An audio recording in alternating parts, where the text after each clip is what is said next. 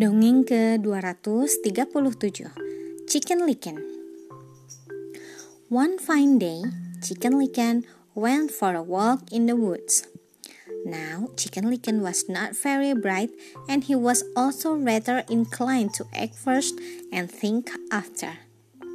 So, when an acorn fell on his head, he decided immediately that the sky must be falling in. He set off as fast as he could to tell the king.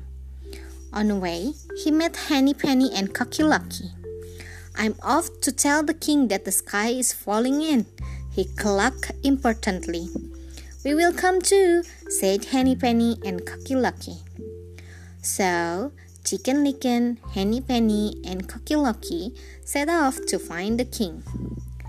On the way, they met Ducky Lucky and Drakey Lakey.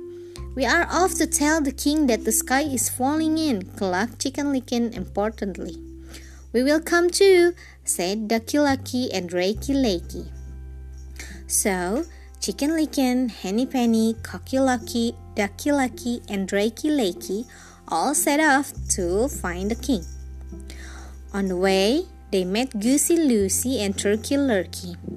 We are off to tell the king that the sky is falling in, clucked Chicken Licken importantly. We will come too, said Goosey Loosey and Turkey Lurkey. So, Chicken Licken, Henny Penny, Cocky Lucky, Ducky Lucky, Drakey Lakey, Goosey Loosey, and Turkey Lurkey all set off to find the king. On the way, they met Foxy Loxy. We are off to tell the king that the sky is falling in, clucked Chicken Licken importantly. What a good thing I met you all, said Foxy Loxy with a cunning smile. I know the way. Follow me.